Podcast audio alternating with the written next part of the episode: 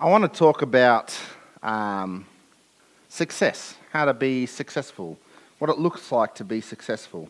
Um, it's not a new thing to civilization, to society, for people to want to be successful and to uh, boast about their success and, and, and lift themselves up.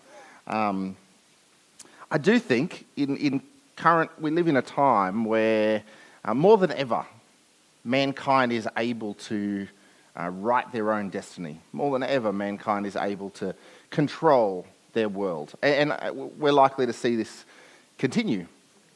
Um, technology has given us uh, huge advances in being able to control our world. Um, I think even, you know, the, the rise in kind of the uh, fitness uh, fad that is on at the moment, like really rise in gyms and stuff like that, uh, there's a real uh, movement towards this kind of motivational speaking and really to, to speak to yourself um, and speak into yourself in order to achieve. And so, I mean, if you're on social media, there's just, you can just see post after post of, of inspirational quotes, things that say, you can do it. Uh, and one of the big things that underlie that often is this motivational speaking to, to tell yourself you can do anything you set your mind to. Arnold Schwarzenegger is one of the, uh, the big pin-ups in my mind of guys that kind of have done this, especially you know, later in his career, after much success in many areas, he wants to inspire other people to succeed. Uh, and one of the big, if you've heard his story and his message is, uh, I was, you know, started out in a little village in Austria. I was a nobody, I was a nothing, but I had a vision. And I just would not let that vision go. And I overcame all the obstacles. And if you have that vision, this is, this is actually exactly what he says uh, the mind is the limit. As long as the mind can envisage the fact that you can do something, you can do it. As long as you really believe 100%. This idea that as long as I believe it, I can shape my own destiny. And, and there's heaps of kind of examples of famous people that have succeeded that will tell you that story. They'll say, I had these great obstacles to overcome, but I was so focused, so diligent, I was able to overcome them, and I am the master of my own destiny. Uh, and, and the problem is that that is certainly true for some, and then there's others that just didn't have the same opportunities, find limitations. And I think one of the dangers of this thinking, not saying that we shouldn't kind of try to work towards being motivated to things, but one of the dangers of it is I think it can sometimes leave us really feeling uh, lacking. When there's hurdles that we don't feel like we can overcome, when there's limitations on us that don't line up with the other people that are greater than us. And I think uh, Paul wants to address some of this idea of self promotion and uh, really putting yourself above others. And, and he wants to say where success really lies.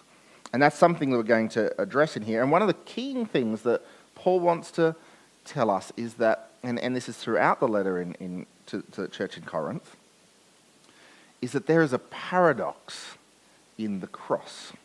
There is a paradox in the good news about Jesus. There's a paradox of power and weakness. Right? I heard one preacher say it like this. He said, What is the worst thing that has ever happened in history? It is the cross. That the, the creator of the world became man, was rejected by mankind, and crucified.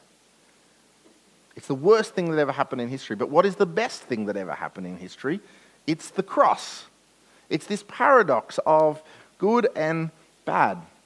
And Paul wants to point us to that paradox and, and, and re understand what power is.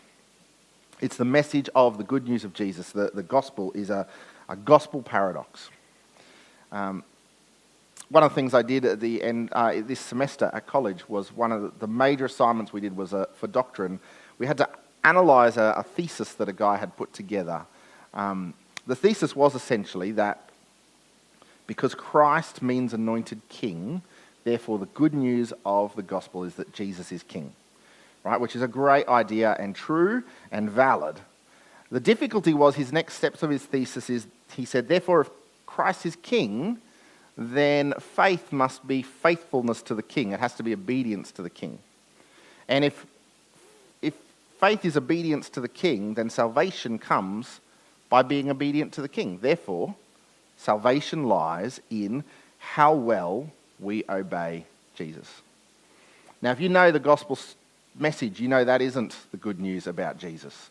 It starts with Jesus King. We can say amen to that, but the next steps that happen don't acknowledge that paradox of the cross. Jesus is king. Christ does mean king. Christ actually means anointed one, and kings were anointed. But Christ, there were other people anointed. Priests were also anointed. And so Christ also means high priest. And so Jesus is king, but there's another role he performs. That's the role of a priest, of a mediator, of someone who restores relationship with God, offers sacrifices, and Jesus is the ultimate sacrifice. His kingship, the unique thing, the paradox of the cross, his unique thing about his kingship, is that of the way he redeemed his kingdom through sacrifice. That is the paradox of the cross. Christ means anointed one, it also means anointed prophet, the one who points people to God. This is what, um, so, so Christ is the anointed one, but it means, it means king, it also means prophet, it also means priest. And all three of those are present as we think about the cross. This is what uh, Mark Thompson, the principal of Moore College, says. I'm told when you're writing assignments for college that if you put Mark Thompson's quotes in, immediate pass. and if you mention it in a sermon, immediate graduation. That's what I heard. Just setting myself up here. This is what Mark Thompson says. He says, The cross is the work of the prophet, the priest, and the king. Here the love of God is proclaimed. Here the necessary sacrifice is provided. And here the king rules, extending mercy and victory. That is the true message of the cross. The gospel, the good news about Jesus. Jesus is king. But the way he redeemed his kingdom was in sacrifice. And so faith is trust in the king. And salvation comes when we put our trust in the king.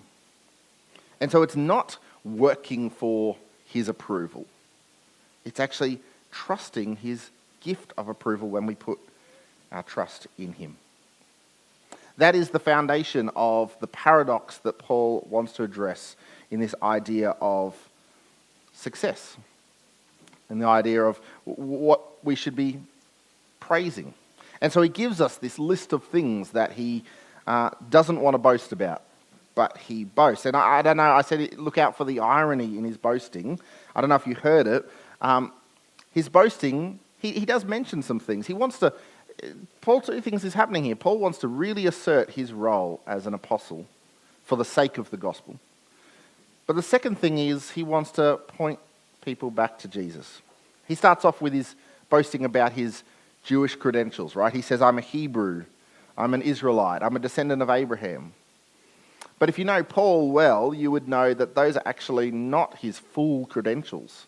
In Philippians, he talks about what kind of Hebrew he is. He's a Hebrew of Hebrews, he says. He talks about the things that happen in his life that line up with the exact law. He talks about the fact that he's a Pharisee. Here, Paul actually downplays it. He says, I'm a Hebrew, I'm an Israelite, I'm a descendant of Abraham. When he talks about his ministry, what do we see? Paul has achieved much. He's the great church planter of the New Testament. But that's not what he talks about.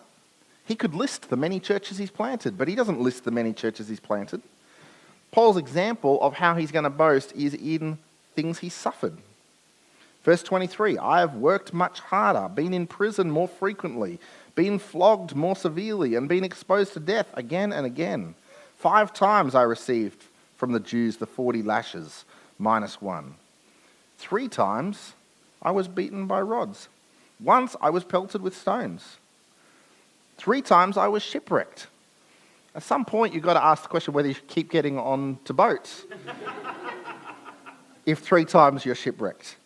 One of those times, he says, I was spent a night and a day in the open sea. I mean, that's a, that's a shipwreck you don't forget, right? That's not running ashore, that's a shipwreck you don't forget.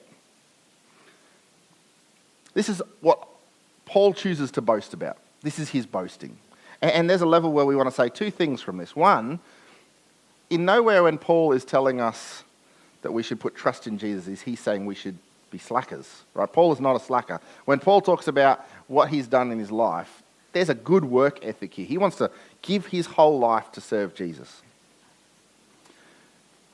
But there's an irony to his boasting. Something about saying, actually, these are things that are outside my control. These are things that happened to me, not things I did. These are things that we can only trust God is in control in these moments. There's an irony to it. Um, some of you know that uh, I like to tell stories about camping. Uh, my stories about camping often have resulted in some great disasters, uh, which are fun stories to tell. They're not really the stories you tell if you want to let people know you're an expert camper. I mean, I don't know if there's such a thing as an expert camper, but the disaster stories is not the way you tell. It's not the way you want to convince people to come camping with you. Say, here's some terrible stories. You should totally come camping with me. There, there's something about talking about disasters that is, uh, there's an, it's not to lift up Paul here in how great he is, but actually he's boasting in a way that, yes, he talks about the incredible things that's happened in his life, yes, things he's overcome, but there's an irony there that he is focusing on the disasters. The third thing he really boasts about is quite a wild one. He tells us this vision. I told you to look out for the I know a man thing.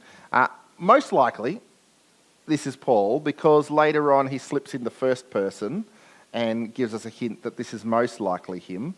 Uh, and he tells this story about a man being caught up into a third heaven. He doesn't mention it anywhere else in, in the Bible, which, to his credit, I think exactly what he's saying here is he doesn't want this to be something that distracts people.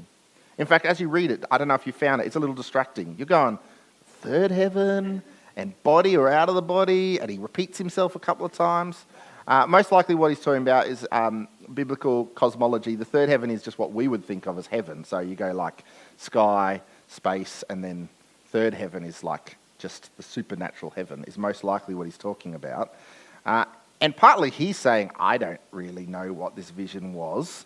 Um, that's not the point. In fact, he wants to distance himself so much from it. He wants to let these guys know his ministry is valid and God is using him powerfully. So he's going to tell us this story. But he also wants to distance himself so much from it that he's going to talk about it in third person to say that's actually not the point. Paul wants to defend the gospel fiercely. But he wants to do that in a way that points back to God. This is not Paul's success story that came through failure. Right? If you think about success stories, often we hear these stories of struggle. Arnold Schwarzenegger's own story about starting in a village in Austria and the things he overcame, things he overcame to be a hero on American movies with a German accent, is a very unique thing, uh, and he overcame a lot of that. And so Paul wants, uh, Schwarzenegger has this story of great success through failure, but that's not what Paul's story is here. Paul wants us to look, take our eyes off him and point to God. But we see those stories of success through failure. That is one of, I mean, it's hard to actually think of stories of people who failed and didn't succeed because those are not the stories we hold up. I, I did some searching. I was like, I'm going to find a story of someone who could have succeeded but failed. But if you search, like this is, this is a search from, from Google, if you search famous people who failed, I mean, I just grabbed you a snippet here 15 highly successful people who failed before succeeding, 10 famous people who failed and then bounced back. Three pages of Google I scrolled through and I was like, there's no stories here of someone who actually failed. These are all stories of um, of success through failure. Uh, you, you, look at the people also searched for uh, on the next slide, and people who also ask, and you get this who is a famous person who failed? I was like, okay, yes, this is the story I want. And so you click that drop down and you get Stephen King, who 30 rejections, 15 people failed before becoming famous. And then you get the next one. Why were some fail? Well, what were some famous failures? I'm like, yes, this is the one. And you go, ah, Dyson, who made the Dyson vacuum, and Elvis Presley, and Colonel Sanders. And this is, this is it. Like the stories of failure we have are actually stories of successes. The third one, you read, Who is the most failure person? The answer to that one is whoever taught that person English. Who is the most failure person? Time and time again, if you look up stories of failure, uh, it's actually stories of success. That's not what Paul is doing here.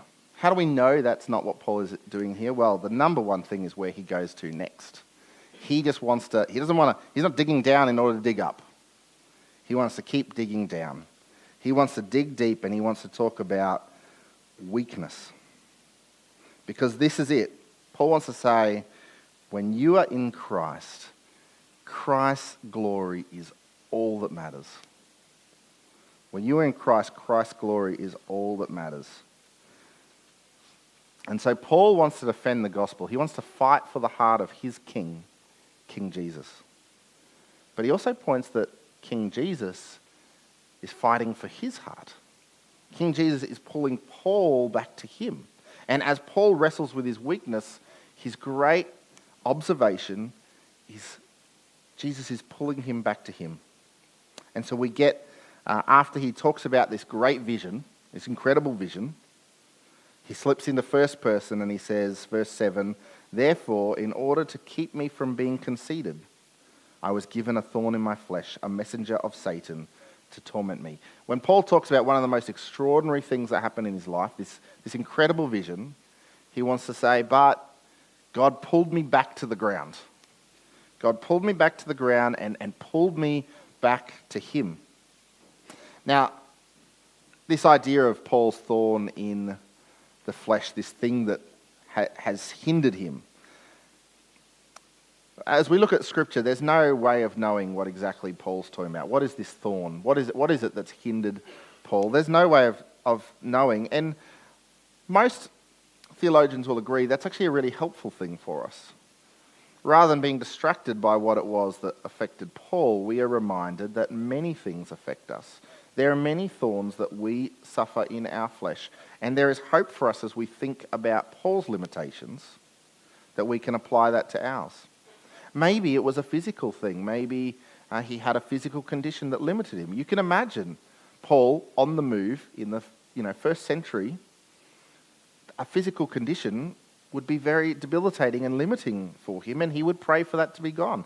And, and we don't know if that's what it is, but it reminds us that when we're faced with physical conditions that limit us, that that might be something that God is revealing uh, our weakness to us in order to pull us back to Him. Maybe it was a deep longing for Him. When Paul writes to 1 Corinthians, or when he writes the first letter to the church in Corinth, in 1 Corinthians, he talks about how he's a single man. And some speculate maybe it's Paul's singleness. Maybe there's a deep longing for a partner in life, a spouse, and he's prayed for that and it hasn't gone away.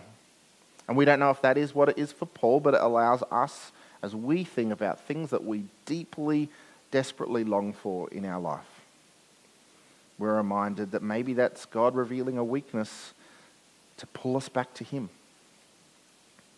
Maybe it's a temptation that Paul faced, something that he wrestled with and just could not find a way to completely overcome it and rid that sin from his life. Once again, people will talk about the idea of a single man and, and maybe wrestling with lust or a temptation like that.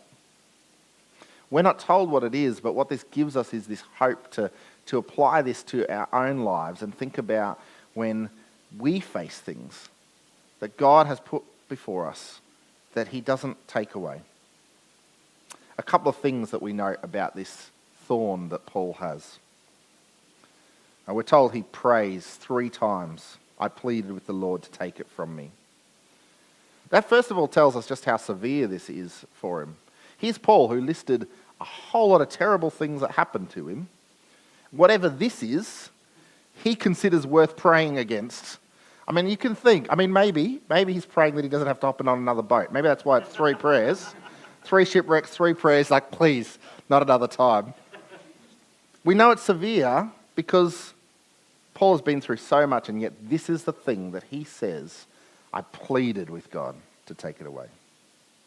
The second thing it reminds us of is it's a reminder of Jesus in the Garden of Gethsemane. Three times in the Garden of Gethsemane, Jesus prayed, Take this cup from me. Three times here, Paul says, Take this thorn from me. Something that tells us, it reminds us that when God says no, that no is filled with deep love. When God says no, that no is filled with deep love. That's what we see in, the, in Jesus in Gethsemane as he looks towards a, a cross that is going to bring redemption for mankind. And as Paul looks at it and he wrestles with the no that he's received from God, we see deep love. Because Paul's thorn, he says, has a purpose. The first purpose was humility. He said, to keep me from becoming conceited. But also, when he hears no from God, he says that has a purpose. This is what he said. Uh, he's told no, and then he says, But he said to me, My grace is sufficient for you, for my power is made perfect in weakness. God's answer to Paul is that his goodness, his grace, is all that Paul needs. Says, My grace is sufficient for you. And so the thorn is there, and one of its purposes is to remind Paul of God's goodness. Paul's thorn points him to Jesus. I heard um, someone use the phrase, Paul's thorn doesn't pin him to the ground, it fastens him to Christ. And that's the picture that we see here. And it's a picture we see here as we think about suffering that we face. That suffering, uh, that God allows us to suffer at times not to weigh us down, but to lift our eyes up. And that is a reality of suffering that actually helps us make sense of suffering. Actually helps us look through the suffering.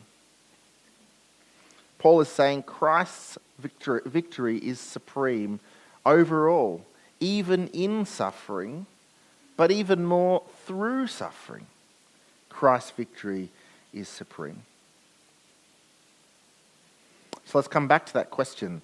How do we succeed? What does success look, for, look like?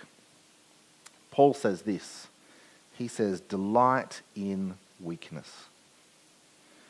Therefore, I will boast all the more gladly about my weaknesses, so that Christ's power may rest in me. That is why, for Christ's sake, I delight in weakness, in insult, in hardship, in persecution, in difficulty.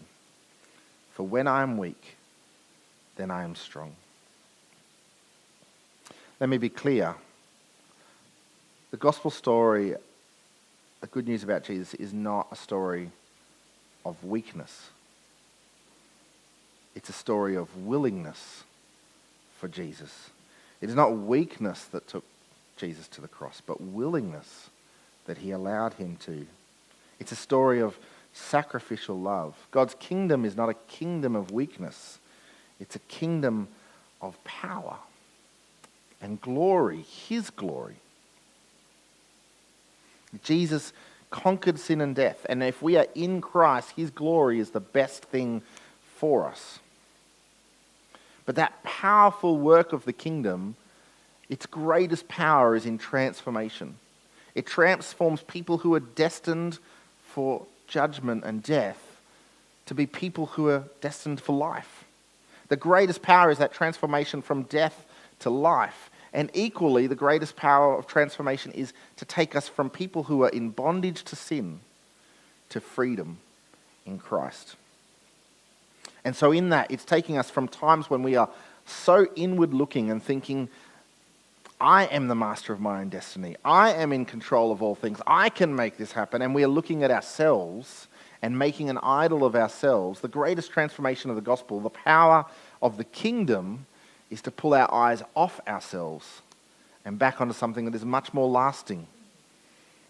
The power of the kingdom is this transformation from us to God, from death to life, from looking inward to looking to Christ. That is the kingdom of power. And as a kingdom of power, Paul says we delight in our weakness, in that paradox of power. Because in our weakness, we are made strong. And so that is our hope as we think about what it looks like to be powerful people in this world. It's not power in a worldly, successful sense, but power in the cross, in trusting Jesus, in, in serving Him. And that means that at times we face great times where we, we, we feel our own frailty, we see our own weakness, we see our limitations. We suffer some of the difficulties in this life. But Paul wants to remind us that's not where success doesn't lie in conquering those things. Success, success lies in the glory of Christ. And because of that, we delight in our weakness as it points us back to Him. Let me pray. Lord God, we thank you for the cross and the great paradox of power we see there. That in your willingness to go to the cross, in your willingness to receive the rejection of mankind, you made a way that we might be redeemed back to you. We pray, Lord, as we remember the greatest thing, the greatest place for those in Christ is your glory. We pray that we will be people that live for your glory in everything we do. We pray for those times when we are suffering in great weakness. And it, we pray, Lord, that it will cause us to lift our eyes from ourselves and point our eyes back to you, that our suffering won't weigh us down, but it will lift our eyes up. In your name, amen. Well, all of us would have come. all of us would have come here today, or all of us are sitting at home with all different kinds of thorns in our flesh. Uh, and so, how good is it that with our last song in the chorus, we get to sing and cry out, You are our hope, you are our joy. And so, can I encourage you as we stand and sing this last song together, with those thorns present, can I encourage you to sing to God uh, and sing to each other that He really is the source of our hope and the source of our joy? Let's stand and sing together.